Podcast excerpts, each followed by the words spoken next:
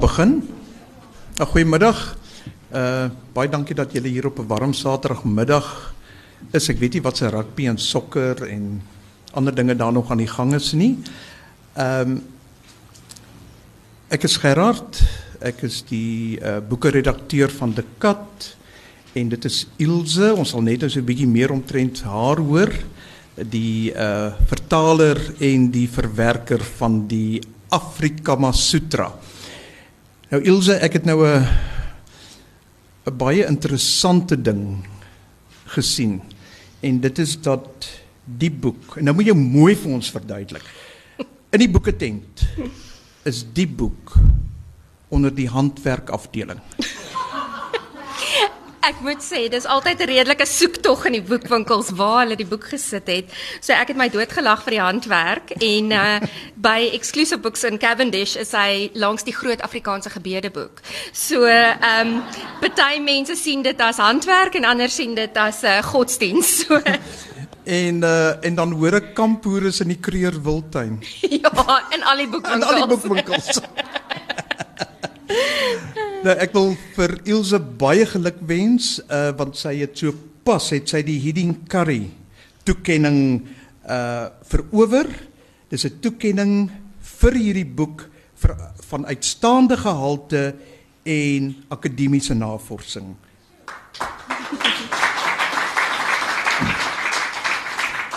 Nou Ilse, ek gaan nie jou hele resume deur nie want oh, Dit is van hier vanaand af tot in Pole, tot in Nederland, tot in UCT, tot waar ook al en dit is een doktersgraad omtrent amper na die ander, maar toe werk toe gaan werk jy mos by Unisa.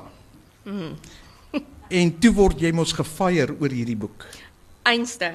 Uh Gerard, ek het uh klas gegee in die Afrikaanse departement. Een van my oud kollegas was ek baie gelukkig om uh, raak te loop hier voor en uh, ons het altyd daar gewerk en ek um, was op daai stadium 'n postdoktorale genoot by Unisa en ek was baie opgewonde oor hierdie boek wat ek uitgedink het en ek gaan na my departementshoof toe en ek sê vir haar, "Jesus, maar ek het hierdie fantastiese ding uitgedink." En soos ek begin vertel, begin sy net so toemaak en sy kry haar arms en sy kry haar bene en sy begin so wegdraai van my af. En ek dink by myself, "Wat het ek nou gedoen?" En sy uh, apparently, ek weet ek vind toe eers maande daarna uit, sy direk af na die uh, dekaan toe en sy sê toe nee, hierdie girl moet waai. Sy doen duiwelse goed hierso. So. nou die Kama Sutra. Dit is al vir eeue saam met ons, maar nou kom hier 'n boeregirl met die naam van Ilse Groenewald en jy vertaal dit in Afrikaans. Maar jy moet seker 'n geweldige belangstelling in hierdie onnoembare dinge van die lewe hê. Nou hoe op aarde het dit gekom dat jy dit in Afrikaans vertaal? Wel, soos ek gesê het op daai stadium was ek uh, by Unisa in Pretoria mm. en uh, ek het in 'n baie vrydenkende omgewing in Kaapstad groot geword. Daar um, in Daar is suidelike voorstede. Ja, daar bly. Ja, ja, daar ja, agter ja, die berg. Ja. Agter die berg is ons maar oopkop oor dinge. En die son sak vroeg agter die berg. Ja, ek sê jou en as jy nie TV het nie dan ja. Anyway, en uh, ek uh, moet sê ek het met redelike ontnigtering um reg besef maar daar is so iets soos 'n um konservatiewe toekop Afrikaner. En ek het dit in Pretoria beleef. En ek sê nie alle Afrikaanse sprekende mense is so nie maar dit is mm. ja ek het dit nogal beleef. En op daai stadium het ek ook um 'n affair not to remember gehad. En ek het net um begin dink oor hierdie ding wat tussen mense gebeur. Die seksuele, die spirituele, hoe ons mekaar behandel. Ehm um, en dit het ja, ek het baie daaroor begin lees en gedink dit is iets waaroor 'n mens baie meer kan praat as wat daar gepraat word tans. Hmm. Ja, ons gaan later so 'n bietjie terugkom na al hierdie die spirituele en uh die ding van respek, maar jy kom nou met hierdie titel. Jy's 'n baie slim meisie. Jy moet eintlik dokter Ilse wees. Maar een van die slimste titels in Afrikaans Afrika Masutra. Nou, hoe het dit gebeur? dit het nogal baie dink gekos. Ek um op daai stadium besluit ek toe, okay, maar ek het nog nie die boek in my gedagtes gehad nie. So ek dink toe ek gaan 'n webwerf stig. Afrika Masutra. Wel, dit ons weet toe nou nog nie wat die naam gaan wees nie. En ek uh besluit, ja, okay, ons gaan bietjie ek gaan 'n bietjie mense nooi om te skryf, miskien gedigte te doen, wat ook al op hierdie, maar ek gaan 'n platform skep waar mense nou hier oor die seksuele en die dinge wat die lewe die moeite werd maak te gesels. En ek dink toe maar ek moet 'n catchy titel hê. En ek dink, ag, ek ry terug van Unisa af die een dag. Ek het nog so ons het hom die Pimpmobiel genoem. Dit was so groot ou wit Mercedes wat my eers my pa se was in toe myne. En ek sit daar in die Pimpmobiel voor IP, daar by daai stop net voor IP. Ja, en ek dink daar by die skip. Mm. En ek dink lek net, klit net Nee, nie een van daai goed werk nie. Dit is net verkeerd want dit is dan net 'n mens 'n bietjie van 'n lesbiese ondertoon en nee, ek wil dit 'n bietjie oopmaak en um, ek gaan slaap daai aand maar 3 die volgende môre sit ek reg op in daai bed. Ek soos in Afrika maar sutra en dit kom net so na my toe. oh, dit is nou in Afrikaans vertaal. En jy het seker gedink ons het dit nodig. Hoekom is dit vir jou belangrik dat dit in Afrikaans moet wees? Gerard, weet jy, die Kama Sutra ehm um, is vir my so seminale werk. Dis een van daai boeke en vergewe my nou ehm um, mense uh, sal miskien 'n bietjie vies raak as ek sê, maar dis een van daai boeke wat so saam met die Bybel ook vergelyk kan word. Een van daai antieke tekste wat deur die eeue heen oorleef het en gepubliseer is en hergepubliseer is en verwerk is en met ehm um, tekeninge sonder tekeninge uh, op miljoene maniere en in miljoene tale uh, hmm. uitgegee is. En toe ek nou begin navorsing doen vir my webwerf wat toe nou Afrikaans Afrika Masutra gedoop is en ek begin nou boeke bestel om nou meer te lees daaroor. Toe besef ek maar weet jy, daar bestaan nie 'n Kama Sutra in Afrikaans nie. En ek het hom al in Frans gesien en in Nederlands en in pretty much elke taal weet ek hy bestaan, maar dit het my verstand te bowe gegaan dat hy nog nie in Afrikaans beskikbaar was nie. Nou ons lewe eintlik nog so bietjie in die 1800s, weet in daai Victoriaanse tyd in. Nou kom jy met hierdie boek. Ek dink jy ons is gereed daarvoor. Wie ek het gedink ons is, ehm um, so ek het nooit in 'n miljoen jaar gedink daar sal ooit negatiewe reaksie oor die boek wees nie, want dit is vir my so fantastiese fenominale teks en ek weet ons gaan nou nog praat oor die inhoud en so aan, maar dit is regtig dis 'n ongelooflike werk en dis 'n ongelooflike pragtige spirituele werk ook. So ek het nie gedink mense sal enigsins dit in 'n negatiewe lig sien of dit enigsins ehm um, negatief opneem nie. En ehm um, Is dit omdat jy nog so onskuldig was? Ehm um, in in terme van wat mense aan mekaar doen, ja. Ehm ja. um, en ja, ek ek dink tegnies gesproke is ons gereed daarvoor, maar daar is nog die wat vaskop. Daar is 'n geweldige konservatiewe element in ons Suid-Afrikaanse kultuur en ek praat nou van die Suid-Afrikaanse kultuur oor die algemeen. Ehm um, want ons dink as Afrikaners dink ons ons is konservatief. Maar by Unisa byvoorbeeld in die ehm um, in die ag wat noem jy die warehouse ehm um, in die stoor die, die ja. stoor het die pakkers mm. geweier om die boek te verpak die swart takkers het geweier om die boek te verpak ah. omdat hy 'n kaal vrou voorop het ah. ehm um, so ons is baie vinnig om onsself as Afrikaners te beoordeel as konservatief en ehm um, nie vrydenkend nie en so aan maar ek sê vir jou dit is 'n dis gaan 'n bietjie weier in ons Suid-Afrikaanse samelewing. So dit dit was vir my nogal 'n ehm eye opener. Hmm. Ja, ek eh, ek het ver oggend gehoor van die koerantverkopers hier buite uh ek het nog nie die koerant gesien nie, maar waar daar nou oor die penisoorplanting uh is dit op die voorblad? Ja, en uh, wat die ouetjie sê, nee wat hy wil nou nie die woord wat wys nie. Ek was verbaas toe dit gister op die radio was, sommer net hmm. daar penis. nou as mense hoor jy skryf nou oor hierdie vier letter woorde en veral daai een wat met 'n s begin, dan lok dit reaksie uit. Vertel ja. vir ons 'n bietjie. Ja, partykeer is ek bang om vir mense te sê en ander kere dan toets ek so my gehoor dan weet ek ag nee, dis okay. Ek kan maar ek kan maar hierso sê, ek het die Kamasutra vertaal. Ehm um, maar ja, wel julle weet wat by Nisa gebeur het. So soos ek sê die reaksie is nie altyd positief nie. Ehm um, ek het ook 'n uh, kolom gehad op Nuus24 en daar het my nogal verbaas ehm um, baie goeie terugvoer, maar ook vreeslike negatiewe lelike goed wat mense te sê het en hulle Maar hulle lees dit. Hulle lees dit ja. en my kolom destyds was ehm um, die mees geleesde kolom teen 12 uur was daar iets soos okay, hulle het hom 8 uur ehm um, op die internet gesit en teen 10 uur was daar soos 1800 hits al op hierdie kolom. En uh uh dan het daar mense goed gesê soos ag dis gekerry gegeurde pornografie. En jy natuurlik ehm um, jy weet sosiale media ons kan vir ewig daaroor praat oor die feit dat daar ook geen barrier is nie. So mense sê net wat hulle in hulle koppe inkom wat ek 'n groot ding oor het maar in elk geval ehm um, maar dit was dit het 'n verskriklike reaksie ontlont negatief en positief. Ehm um, en toe natuurlik vervang hulle dit met rugby Maar in elk geval, ja. Ja, maar ek het uh, ek het so jare wat gelede eh, 'n uh, TV program gemaak oor die Radloff susters. Ek weet nie of julle ken nie. Nee, glad nie. Hulle is aan Tamboerskloof en een van hulle het het nou so 'n rubriek in Afrikaans. In nee, wie wat? Dis in mm. Engels. Ja, sien. Mm. Ja. nou wanneer het jy vir die eerste keer van die uh, Kama Sutra gehoor en wanneer het jy dit vir die eerste keer gelees? Ek kan nie eintlik 'n datum sit op die tyd wat ek die eerste keer die Afrikaans ag van die Kama Sutra skies tog gehoor het nie. Dit is een van daai boeke wat altyd so 'n deel van jou verwysingsraamwerk uitmaak. Mm, mm. En die eerste keer wat ek 'n kopie fisies aangeskaf het, was in Nederland en dit was 'n pragtige maar baie autentieke Nederlandse vertaling.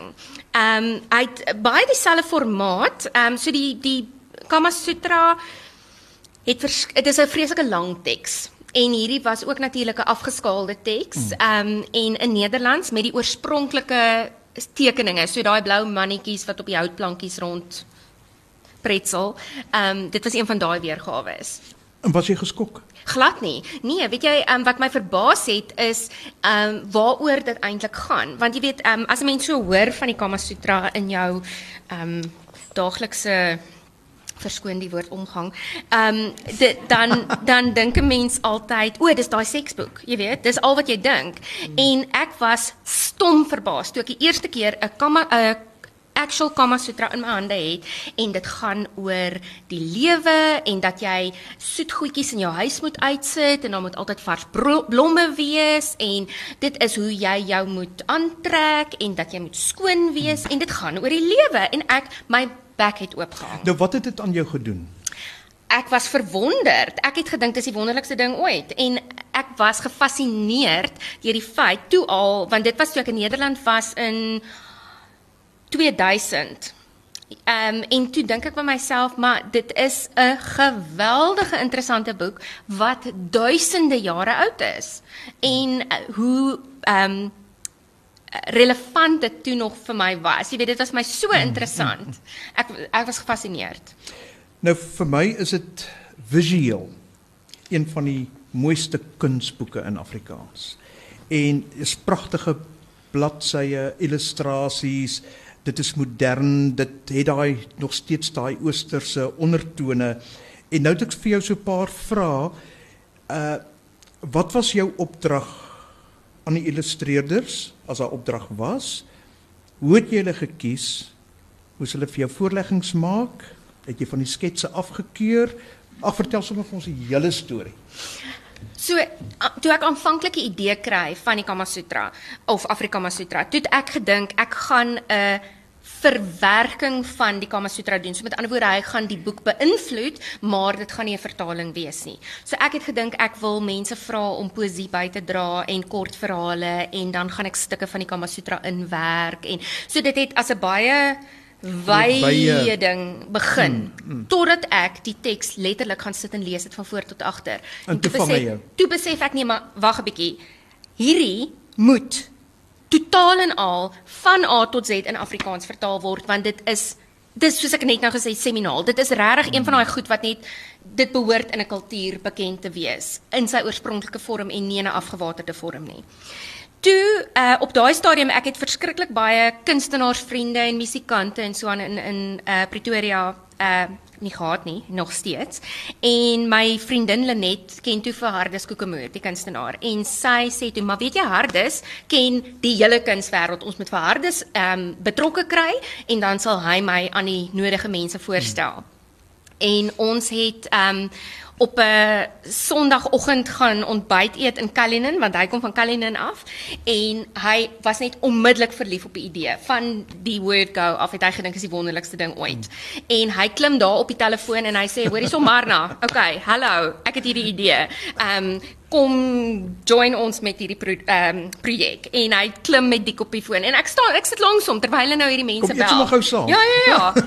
en dit was letterlik soos in hy het onmiddellik binne die bestek van 5 minute ehm um, drie ander kunstenaars betrokke gekry. En ehm um, ek sê altyd dit was 'n bietjie so survivors op die ouend was daar dat ons het begin met vier kunstenaars op die ouend was daar drie. Ehm um, we was die vierde een. We voted him off the island.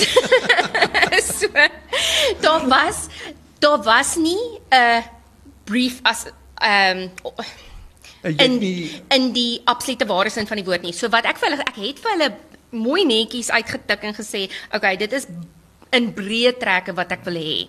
Maar ek het vir hulle gesê julle is kunstenaars. Ja, maar as jy nou sê in breë trekke, gee net vir ons 'n voorbeeld. Okay.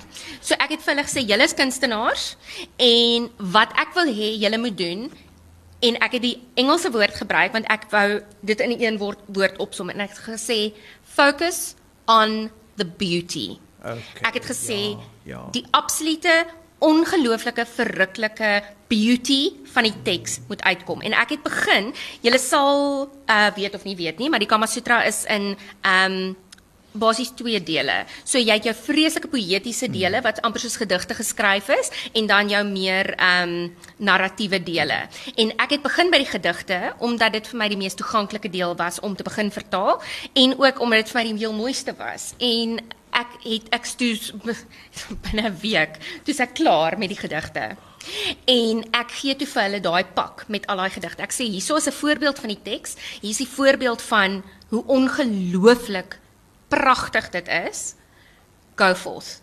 So ek het vir hulle gesê ek wil nie sleaze hê nie, ek wil nie pornografie hê nie, ek wil nie enigiets hê wat mense kan vingers wys en sê dis vieslik nie, maar ek wil julle uh, kreatiwiteit ook nie inperk nie. Mm. En ek so, het jy, gesê jy het glad nie gesensureer nie. Glad nie. En ek het mm. maar uh nommer 4 mm. kunstenaar nommer 4 het ons wel besluit sy um kuns aanvanklik toe ons dit begin sien is te generies. Dit was regtig vervelig, mooi in die sin van o oh ja, mooi prentjie, maar baie Maar nie siel nie. Daar was niks ja, siel nie, niks. Ja. Dit was net 'n uh, mooi prentjie van twee figure wat lê. Lê basies. Mm. En ehm um, dit was net dit was boring. En wat ek wel kan sê van die ander drie kunstenaars, niks van hulle werk is boring nie. Mm, mm dis waar. Nou die Kama Sutra dis 'n seksaanleiding.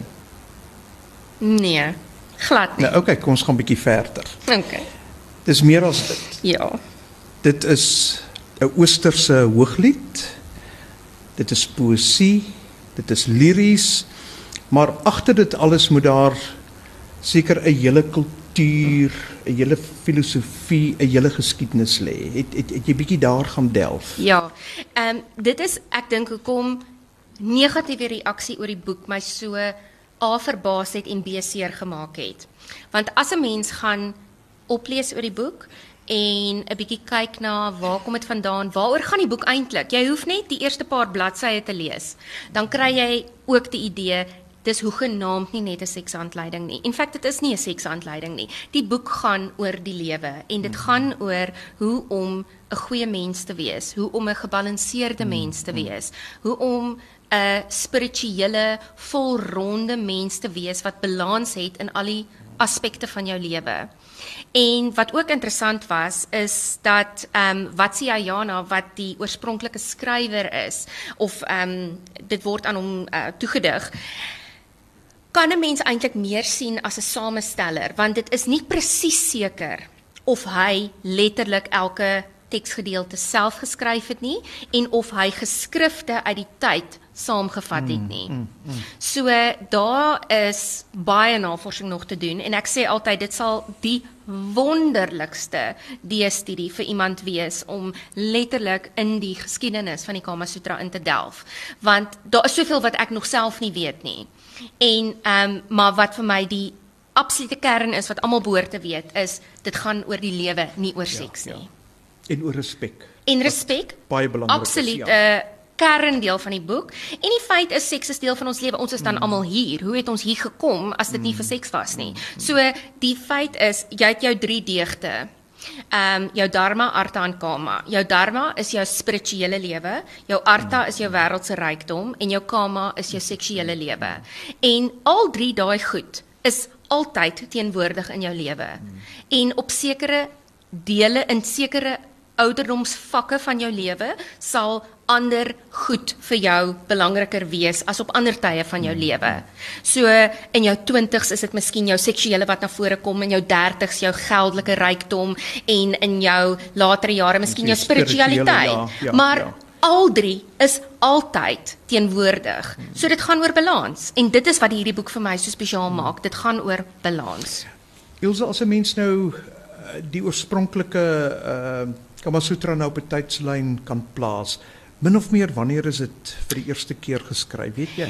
Uh, dit uh, kom uit vier, omtrent 400 na Christus jo, en ehm ja, um, die interessant genoeg die ehm um, tekeninge is eers in die middeleeue ehm um, bygesit. So daai tradisionele blou mannetjies op hulle uh, houtplankies, dit is omdat die teks dis as jy na die oorspronklike teks kyk. Nou ek ehm um, uh het gewerk met Richard Burton se 1883 ons sal, ja. ja ons sal nou nou daarby kom wat dan in die Victoriaanse tyd geval het presies wat ja. baie interessant is maar ehm um, die boek is aanvanklik uitgegee net as teks Okay, so hy's net as as geskrif uitgegee mm. en toe vind die mense hy's verskriklik kompleks en as jy daai 1883 weergawe lees dan kom jy agter jy daar's 'n element van daai kompleksiteit vasgevang en toe het hulle is dit, die prentjies Is dit nou in die Engels? In die Engels. En en dink jy dit was in die oorspronklik? Ja. Ook, en ook so kompleks? Ja,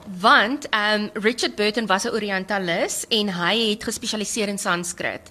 Oh. En hy het 'n vreeslike autentieke vertaling probeer weergee. En dit is wat vir my so interessant is want en dit is wat ek nou vreeslik graag meer sou wou uh, ondersoek is ek wil as ek 'n Sanskrit kenner was en ek ken toevallig 'n Sanskrit kenner, Kobus Kreer van ehm um, Pretoria, maar as jy die Sanskrit langs sy weergawe sou sit, sou ek bitter graag wou weet hoe naby want daar het jy daai Victoriaanse lens, jy het 'n manlike lens joh, joh, in daai tyd.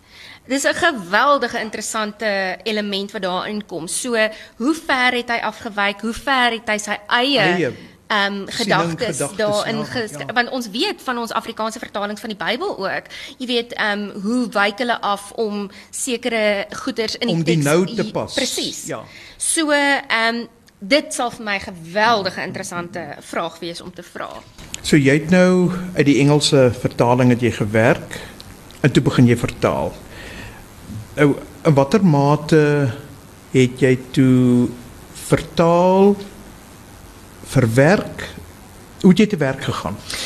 OK, so ek het soos ek gesê het, het ek begin met die poëtiese dele want ek skryf self of het altyd poesie geskryf en dit is vir my vreeslike lekker medium. Jy probeer iets moois in die kortste bondigste manier stel. Mm. En hierdie ehm um, poëtiese dele was vir my so mooi en wat vir my altyd interessant is is as jy fiksie of ehm um, poesie of 'n kreatiewe teks vertaal, dan kom daar 'n element van herskrywing in, want jy mm, kan mm. nie letterlik vertaal nie. Jy kan nie net sê uh, dit is die woord in Engels, nou gaan ek hom in Afrikaans oorskryf nie. Wat maak sin? Wat rym? Wat werk vir die teks? So jy daar is daar is nogal verwerking by betrokke. So dit was vir my wat vir mense dalk sal klink na die moeilikste deel, dit was vir my die maklikste deel. Die teks self ehm um, was die moeilike deel want as jy gaan na daai oorspronklike sinne van hulle is een sin is 'n halwe bladsy lank. Dan moet jy nou deur hierdie sin werk en probeer uitvind, maar wat wat word hier gesê? Jy weet dit gaan vir bladsye aan. En ehm um, toe ek elke weergawe omtrent wat ek my hande op kon lê. Ga. Nou Nederlands wat Ja, ek het nou toevallig nie daai Nederlandse vertaling het in Nederland gebly by die persoon vir wie ek hom gekoop het, maar ek het um ongelooflik baie Engelse vertalings gehad en dan het ek daai So daar is uh, daar's meer as een. Ooh, daar's baie. En wat interessant is, dan is dit dit hang ook af van die persoon se oriëntasie en hoe hy dink, hoe hy daai boek vertaal. So daar's een uh weergawe waar waarmee ek gewerk het wat 'n uh, openlike gay weergawe is waar die persoon baie pertinent um 'n gay angle ingeskryf het. En dis fascinerend en baie van die goed wat in die oorspronklike teks nie vir my sin gemaak het. As ek praat van die oorspronklike teks, dan praat ek van Richard Burton se teks. Mm, mm. En dis nou nie Elizabeth Taylor se man daai nie. Dis nee, die ander ene. Dis die middel ag die ja. Victoriaanse een. Alhoewel, anyway. Ehm um, en uh dan het ek in die botaniese tuin daar in Pretoria gaan sit en werk, dan het ek so 8 Kama Sutra so om my gehad. Ek het altyd gewonder wat dink die mense. En jy was alleen. en ek was alleen. ek ek wil nou vir jou vra ons het nou so gepraat van hoe hoe die teks miskien op 'n manier gebonde is aan 'n sekere tyd, maar deur watter bril moet ons vandag na daardie teks kyk? Nou hier is ons uh meesal wit Afrikane en dan daar is die Kama Sutra. Hier is ons so bietjie Victoriaans en daar's die Oosterlinge. Wat is vir ons vandag hier in Stellenbosch toepaslik? Weet jy, dis 'n deel van die teks wat my gefassineer het, is hoe toepaslik hy nog vandag is. Ehm um, ek het begin lees dinkende nou dit is 'n teks uit Indië uit die 400s en dit gaan bitter ver verwyderd wees van ons vandag hier in die 21ste eeu. En ek was verbaas om te sien hoe ongelooflik relevant hierdie teks nog steeds is. Steeds is. Ah. En amper gevorderd. Wat vir my die mooiste was is hoe do, jy het net nou verwys na die respek in die teks. Mm. Respek is die absolute grondslag van alles wat in hierdie teks gebeur. Die verhouding tussen man en vrou wat totaal en al op 'n ewe knie is daar is nie so ding soos die man is die hoof van die huis en en en Ek gaan daarby kom. en ehm um, daar was obviously gaan hulle in redelike ehm um, besonderhede in oor ehm um, die uh, Indiese klasse stelsel ja. en dit was baie belangrik om op iemand van jou stand ehm um, te fokus en nie uit jou stand uit te trou nie en so aan en so aan en so aan. Maar besides dit is die res asof dit vandag geskryf is. Ehm um, en wat my ook gefassineer het was dat ons amper op 'n seksuele vlak agteruit beweeg het vir 5 6 700 jaar hmm. het ons letterlik agteruit geboer en hier is hierdie teks wat 400 na Christus geskryf is en meer gevorderd op 'n spirituele en seksuele vlak is wat ons vandag is. Ja, ehm um, Ilse, ek was nou dink so 2 jaar gelede in Egipte en wat vir my uh fascinerend was is dat jy's in die strate en dan loop die gesluierde vroue daar. Party is so gesluier dat die bril word oor die doek gedra. Maar in die strate straat op straat af hang die mees sensuele vroue klere in die openbaar op straat en hierdie vrouens stap verby en hulle stap verby en daar is dit daar's daar tussen ons hier's hierdie kontras hier's hierdie teenstrydighede. Maar het jy dalk nagevors hoe uh of hierdie boek nog werk in daardie oosterse samelewing? Weet jy Gerard dit is iets wat ek al aan gedink het en oor gewonder het en dis wat ek sê of iemand anders moet dit doen of ek moet wragtig daai tweede doktorsgraad doen mm.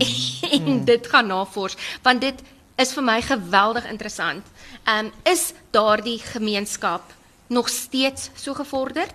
Is hierdie genderrolle wat hierin beskryf word nog steeds so op so ewe knie of wat? Ek dit dit sal vir my geweldig interessant wees ja, om dit te weet want dit, dit begin verkeerd gaan. Presies. Ja. En ehm um, ja, dit dit dit hierdie mm. boek dink ek is die begin. ons ons het dit net so 'n bietjie aangeroer die beskrywings in die boek en die sketse is baie sensueel. party mense sal dit miskien as eksplisiet uh, eksplisiet sien. Nou waar lê daardie verskil? In ons opvoeding, in ons kultuur, in ons koppe? Mm, dis 'n baie interessante vraag. Ek dink baie keer die vieslikheid, die sleaze dit lê dikwels in ons koppe en die wat mense daaraan toeskryf. Uh dit verbaas my kom ons begin op 'n ander punt. Eerstens hoekom ek bly was dat dit as akademiese teks uitgekom het want dit is op die ou end ironies genoeg toe deur Unisa Press uitgegee. Hulle het toe op die ou end vir my die Hidden Career Award gegee vir akademiese uitnemendheid. 2 weke gelede? 2 weke gelede. Nee, in feite 1 week gelede. 1 week gelede. en dit is deur twee ehm um, ewe knie wat's 'n peer reviewer is 'n ewe knie uh resensent whatever en ehm um, dit het vir my geweldig baie beteken dat die teks amper 'n respek kry omdat enige iets wat met die seksuele of die sensuele te maak het onmiddellik in ons samelewing en in ons koppe outomaties in daai sleaze boksie geplaas word. Mm, mm, mm, en dit mm. maak my vreeslik upset. En dit is mm. ook omdat ons leef in 'n samelewing as jy daai koerant oopmaak, dan is dit daai oom wat daai klein niggie van hom ja. gebliksem het en gedit het en gedat het. En jy weet dit is ons leef in 'n redelike vieslike samelewing en verskriklike goed gebeur onder hierdie dekmantel van die preetse en van die konservatiewe mm. en van die kalvinistiese maar knyp ons daai kat in die donker. Jy weet en dit is um dis wat vir my erg is. Jy weet ons mag nie daaroor praat nie maar ons sal die vieslikste goed agter 'n toe deur doen en wat vir my die mooiste was van die Kama Sutra is dat dit so openlik deel was van die samelewing. Klein dogtertjies van 7, 8, 9, die oomblik as jy oud genoeg was om dit te verstaan, het jy saam met jou tannies en jou ma en jou susters gesit om 'n teekoppie of whatever hulle gedrink het en dit bespreek. En as jy getrou het, dan jy 'n kopie gekry om saam met jou man dan verder te bestudeer. As handleiding. As handleiding. Mm. En dit het letterlik deel gevorm van die kultuur van kleins af. Seks was deel van die lewe en dit is as sulks behandel. Dit was totaal en al openlik um in mm. gesprek met mense. Mm. Mm. Totaal aanvaarbaar. Ek wil nou so 'n bietjie weer teruggaan na die teks toe. Hier in die boek, daar's 'n hele gedeelte oor die kuns van soen. Vertel vir ons 'n bietjie. Ja, dis geweldig mooi. Ehm um, daar's verskillende afdelings. So jy begin 'n bietjie met die geskiedenis ehm um, van uh van die mens en uh dan beweeg jy na seksuele samesyn en waar dit alles bestaan. Daar's dele oor die huwelik en so aan en so aan. Maar nou die seksuele samesyn bestaan uit soveel dele volgens die Kama Sutra. Daar is die omhelsing, daar is die so, met ander woorde die courtship en daar is die soen en daar is alderande aspekte daarvan. En wat vir my so mooi is is dat hulle 'n hele hoofstuk net oor soen sal skryf. En die verskillende forme van soen en hoe soene moet klink. En is dit 'n diep soen of is dit 'n klap soen of is dit 'n ligte pikkie op die wang? En ag dit is net fantasties dat hulle soveel tyd net op en ek dink baie keer ons soen net nie genoeg nie. Maar weet daar's een sin jy moet hom nou vir my verduidelik want ek verstaan hom nie uiteindelik het niks die liefde so aan soos naal en bytmerke nie. Ja.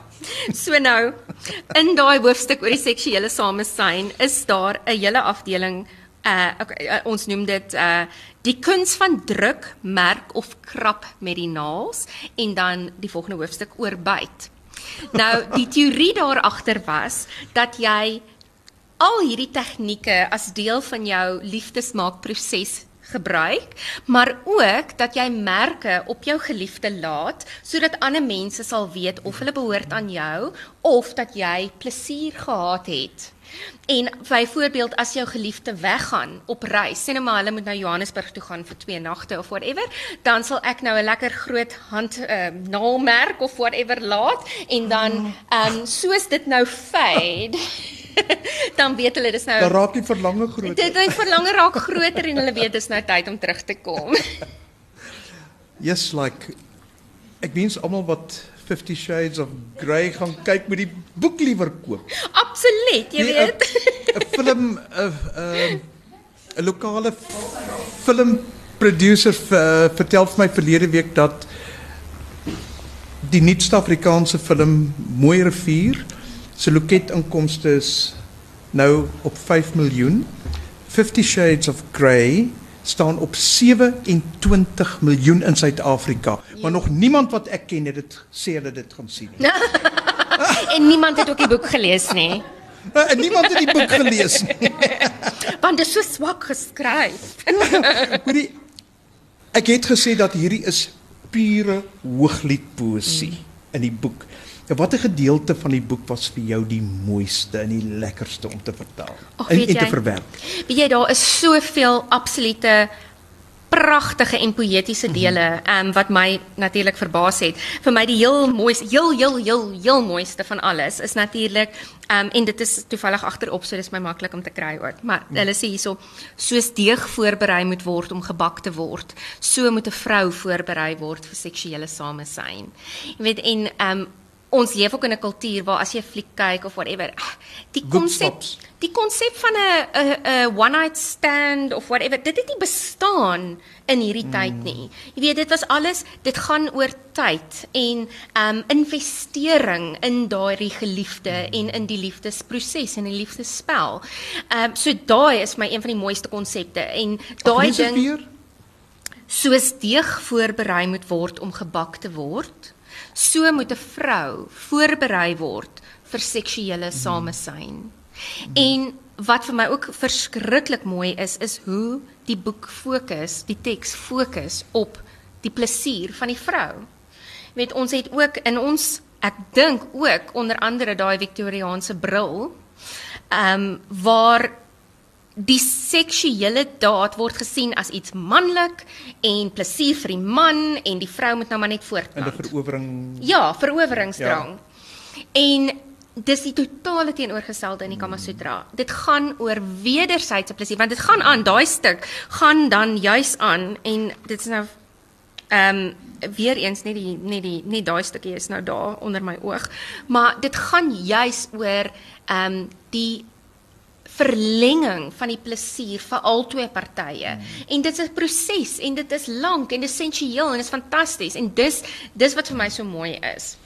En dan skus Gerard, die ander dele natuurlik is daai poëtiese dele wat net vir my geweldig is. Uh ek het so 2 of 3 weke gelede iets in die uh op die internet nuus news 24 waar ook al gelees van hierdie uh jong paartjie wat in 'n vurige omhelsing was Dalk 'n bietjie meer. en toe kon hulle nie loskom nie. Wie het dit gelees? Daar sê. Dit is so, nê? 4 tot 6 ure, 4 ure of 6 ure. Toe sit hulle vas. Haar pa. Ja, en ek kry dit teken dit nou weer gaan soek op die internet en ek kry dit nie en haar pa moes later kom om die twee uitmekaar uit te haal. Nou hoekom ek dit noem is dat Ilse hoe moeilik of hoe maklik was dit vir jou om in Afrikaans te beskryf waar die arm moet gaan en waar die voet moet gaan en waar die hakskeen moet gaan en die enkel Wie Gerard, ek dink ek het nie so moeilike proses gehad soos Marna wat hierdie uh, tekening gedoen het. Sy sê naderhand moes sy benhare teken dat sy net weet wie's waar. maar weet jy, mense sê altyd vir my en dis is veral iets wat ek ehm um, van Engelse mense afkry waar hulle sê, maar ehm um, Was dit nie moeilik nie en hoe het jy nou name gekry vir al die goed en bestaan daai woorde eers in Afrikaans? en weet jy, dit was vir my die maklikste ding om hierdie pragtige teks in Afrikaans te skryf. Hy het letterlik homself geskryf. Mm. En dit was ons het 'n geweldige mooi en absolute beskrywende en deernisvolle taal. Ek weet dit is nou 'n simpel manier om dit te stel, maar ons kan goed so vieslik soos wat jy 'n ding kan sê en wat 'n mens baie keer by jou kamervenster uithoor in Kenilworth of Wynberg. Ehm um, so mooi kan 'n mens raak beskryf. Dit absoluut pragtig beskryf in Afrikaans. So die taal en wat waar moet beskryf word was vir my verskriklik maklik. Ilse, het jy geweet ehm um, hoenderhane testikels? Wel nou dese het ek. nee, ek was 'n keer was ek in Anuta op 'n uh, Chinese troue daar in die Verre Ooste en ag, oh, dit het ure geduur, maar ek bespeur toe 'n spanning wat oplaai soos wat die volgende gang voorgesit word op die tafel. Ek dink daar was 12 gange. En die mans begin net, "O, oh, wanneer is die volgende gang? Wanneer is die volgende gang?" En hier kom die 12de gang. En ek kyk toe sit sulke so sopperigheid, so Chinese sopperigheid en hier dryf sulke wit boerbone in. En hier gaan die mans gaan in vervoering. En nou sit die tolkie langs my en ek sê from and, what is this? Hy sê, "Oh, it's chicken testicles." ek sê, "What for?" Hy sê, "Oh, it's good for this." en hy wys met die vinger nou. Uh in die boek lees ek nou dat 'n man se seksuele energie kan vermeerder word deur die melk wat hy drink waarin bok en ram testikels in gaar gemaak is. Nou wat van ons arme Afrikaanse mans? Wat wat moet ons doen? Wel, dit is amazing wat hulle in die boek sê wat 'n klein bietjie eyeliner kan doen vir 'n man. maar weet jy Gerard, daai rate en resepte Dit was die moeilikste deel ja, van die boek. Ja, dis wat ek jou wil vra. Wat was ongelooflik moeilik om te vertaal. Die grootste uitdaging. Die, die grootste uitdaging want hmm. daar is woorde en bome en plante en sade en pele en goed waarvan ek in my lewensdag nog nooit gehoor het nie. Uh, uh. En wat ek En hulle natuurlik bar sê. Elkeen 'n simboliese verwysing? Nee, nie noodwendig nie. nie. Dit was letterlik ehm um, bestanddele wat hulle geglo het 'n spesifieke oh ja, daai um, afdeling. Ja, ja. ja so hulle het letterlik gedink om ehm um, die bokmelk, die melk met die boktestikels in te drink, gaan hulle bereel maak. En ehm um, jy weet in plaas van Viagra het hulle byvoorbeeld ehm um, haarwurms gevat en 'n pasta gemaak en dit aangesmeer en dan het was daar so 'n allergiese reaksie dat die storie in elk geval 'n bietjie groot geraak het van die swelling. so ons dink dit was meer van die haarwurm as enigiets anders, maar ehm um, ja. maar hoorie, is daar nie 'n storie oor die oor 'n uh, so klein bietjie uh uh Sien. Sien nie. ja. Dit was maar die beste. Dit is ehm um, die vraag is nou hoe maak jy jou vrou um, of die, jou geliefde nou ehm um, onderdanig en nie onderdanig in daai sin van die woord nie, maar hoe maak jy haar nou swymel? En uh, dan is die resep of die raad nou dat jy uh, maak so ook so pastatjie aan van wat onder andere arseen in het. En dink ek ja, sy sal so swymel sy sal sommer dood wees. Ilse die Kamasutra praat van 'n deegsame vrou wat moet seker maak die huis se vloere is skoon. Wie jy ehm um, dis ook interessant. 'n Mens kan 'n ding natuurlik op enige angle lees, maar wat vir my verskriklik mooi was is 'n vrou se waarde het nie gegaan oor die skoon vloer noodwendig nie, maar die die partye het ook hulle rolle gehad in die samelewing. Die mans het meer dit gedoen as wat die vrouens gedoen het, maar daar's 'n lys van ongelooflike goed wat jy alles moes kon doen. Nie net jou huis mooi maak en so aan nie, maar ook jy moes kon sing, jy moes musiekinstrumente kon speel, jy moet intelligente gesprek kon voer, jy moet kaartspeletjies kan speel. So jou rol was nie net jy moet die vloere skoon hou nie. Ehm um, die die die punt was eintlik jou man moet 'n mooi huis bou en jy moet sorg dat dit lekker ruik en skoon is en so aan, maar jy moet ook goeie geselskap wees en jy moet tot kan akwadukte bou. Allerhande ingenieurswees mm. kan beoefen. Chemie en mineral, mineralogie, die my skoonma sal baie goed met die chemie gevaar het. So. ja, die die die die ehm um, jy moet 'n intelligente en welbelese en 'n volronde mens wees en ja. dis wat vir my so mooi is. Jy weet, ja, ek sal veel eerder die huis skoonmaak en aanpak as wat my man sal. En dis ons natuur. Ehm um, en wat vir my dis vir my doodnatuurlik dat ek meer van sekere goed hou as waarvan jy van sekere goed hou. Ehm um, en En dit word alles gerespekteer en dit word Presies. En dit dit gaan nie hier oor ja die vrou met kaalvoet en kaalvoet en swanger voor die Hmm. stoof wees nie. Dit was glad nie die bedoeling nie. Dit was net dit is meer haar rol, dit is meer die man se rol want dit is hoe ons geprogrammeer is. Ehm um, maar dit het alles neergekom op wederwysige respek. respek ja. Ja. Uh ek was aangestel vir omtrent vir 7 jaar uh deur die onderwysdepartement om die projekleier te wees oor menslike seksualiteit. En ek het eers geskrik toe hulle dit doen want jy moet die woord menslik elke mm. keer saam gebruik. Jy mag nie net sê seksualiteit nie want dan dan raak dit kan dit dalk dalk dierlik raak. En uh en toe het ek net later besef van wie dit is 'n geweldige voorreg wat ek het.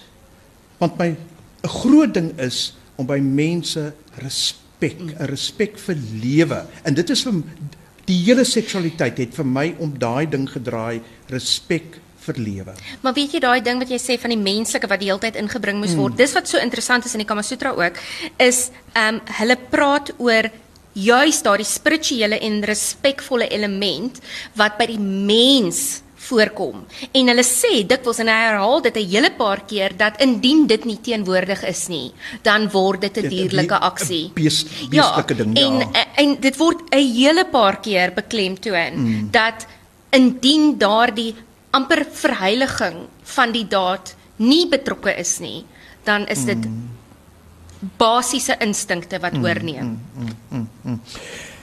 Nou ons is nou goed opgewarm. uh, Ilse kan jy net vir ons so vinnig deur die inhoudsopgawe hardloop?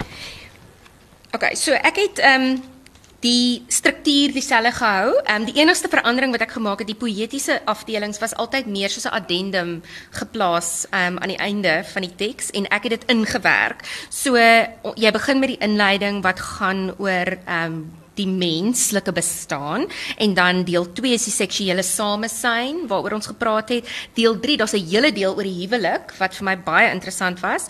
Deel 4 gaan oor minnaars en kortisane en die rol wat hulle ook in die samelewing gespeel het. Dit was baie interessant en dan deel 5 die resepte en die rate. Ja, en in in daai ding van kortisane, dit is glad nie deel van ons Hoegenaamd nie. uh um Europese verwysingsveld nie waar dit vir die oosterling is dit 'n doodnatuurlike en hoogs geleerde vrouens ja. wat se doel was Hulle is om afgerig. Yes, en om mm. ongelooflik um op 'n intellektuele vlak met hierdie mans te kon um kommunikeer en hulle het in die hof ingegaan en hulle moes hulle um companions wees. So dit was ja, dit was 'n geweldige rol wat hulle gespeel het in die politiek ook. Ek het jou nou nie rede geval. Nee nee, dit was die die dit eindig met uh, resepte en rate mm, en mm. dit is 'n afdeling wat ek aanvanklik wou uitlaat omdat dit amper ehm um, nie so toepaslik was nie. Ehm um, maar omdat want dit is bietjie ehm um, hysteries. Jy weet dit is bietjie snaaks met die bok testicles en so aan. Maar ehm um, dit was toe interessant om dit op by te sit. Maar dit het jou net weer so lekker stuwing gegee om aan te gaan. Presies, ja. Ehm um, Ilse, wat is die mooiste kompliment wat jy nog gekry het oor die boek? Jy Gerard, dis snaaks. Um, die eerste ding wat 'n mens altyd dink is al die kritiek wat 'n mens gekry het vir die boek. Dis dis baie maklik vir ons en ek dink dis ook 'n bietjie van 'n kalvinistiese ding om te fokus op die negatiewe.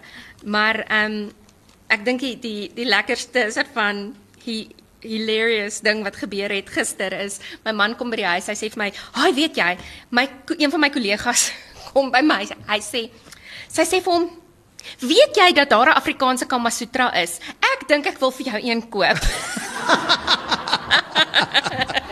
Dit was dit vir my so. Nou kom dit al terug na my toe. Ilse nou mense gaan nou hulle dink jy vertaal nou net maar uh en, dat jy ook nie kan wegbly van die onderwerp af nie. Wil jy net so 'n bietjie die deksel so 'n lig oor wat nou op ons wag?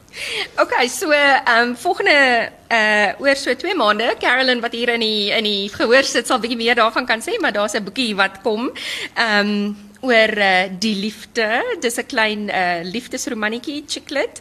Ehm wat vir my 'n baie ehm interessante maar ook uitdagende genre was want dis nie 'n genre wat ek ken nie. Ehm um, dis nie iets waarna ek gerieflik skryf nie, maar wat ek gedink het, ja, kom ons probeer kom ons probeer 'n bietjie en mm -hmm. en mhm. ondersoek 'n bietjie hierdie genre en dit is vir my baie lekker om te skryf. So daar kom nou so 'n bietjie onder my naam uit. Ja, pas pas sterk te ons sien uit. Is daar enige vrae uit die gehoor uit ah, meneer? Dit is baie mooi. o, oh, en ek het hierdie week die mooiste ding gehoor by die bespreking. Wie was by nagmusiek se bespreking? Waar uh drie boeke so in een boks moet gaan en nou sukkel hulle om die naam te kry. En een van die om dit te beskryf, toe is die een 'n glydoos of 'n glipdoos. glipdoos. maar toe het die Ek dink dit sal dalk 'n hoofstukkie kan wees. Ehm um, nog vrae uit die gehoor uit, meneer? Ehm um, oor daai uiteenlopende reaksies, weet jy, ek dink ehm um, mense is geweldig skaam oor die seksuele. Ehm um, so dis of iets haha agter jou of dis vieslik en dit is ook ons kondisionering en ek dink ehm um, mense wil ook nie erken ooit as hulle iets geniet in terme van die seksuele of hulle dit nou gelees het of ervaar het of en weet jy daai daai ding van van 50 shades het my gefassineer want dit het dit het ook nie gemaak asof dit War and Peace is of een of ander groot klassieke werk is nie. Dit was in 'n spesifieke genre geskryf en dit het net hierdie geweldige reaksie ontlok en tog het dit miljoene kopieë verkoop. So, ehm um, ek dink dit is net ons menslikheid wat self skaam is daaroor en nie wil erken as ons iets geniet nie. En ek het dit geweldig geniet. Ek was mal oor daai boek en ek was mal oor die fliek. Hmm dit was wat dit was. Ja, ons tyd is om. Ons word weggejaag. Ja. Baie baie dankie. Dankie. O, en, en onthou die boek is onderhande werk.